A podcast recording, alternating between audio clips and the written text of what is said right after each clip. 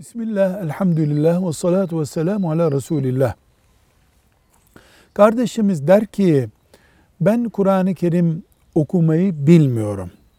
Namaz kılıyorum, namazda okuduğum Kur'an ayetlerini ve duaları da kulaktan dolma ezberledim. Bir kardeşimize okuduğum Fatiha suresini ve diğer ezber bildiklerimi okudum. Çok yanlış okuyorsun dedi. Ben şimdiye kadar kıldığım namazları tekrar mı kılacağım? Benim hakkımda ne dersiniz? Kardeşime derim ki, canım kardeşim, Kur'an öğrenmek doğduğumuz günden öldüğümüz güne kadardır.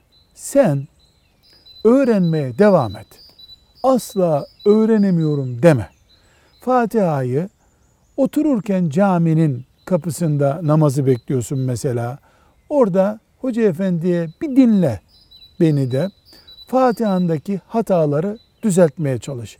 Sen bu gayret içinde ol. Haftada, ayda bir kelime düzeltme pahasına da olsa öğrenmeye devam et ve korkma. Allah kabul etsin, mağfiret buyursun. Velhamdülillahi Rabbil Alemin.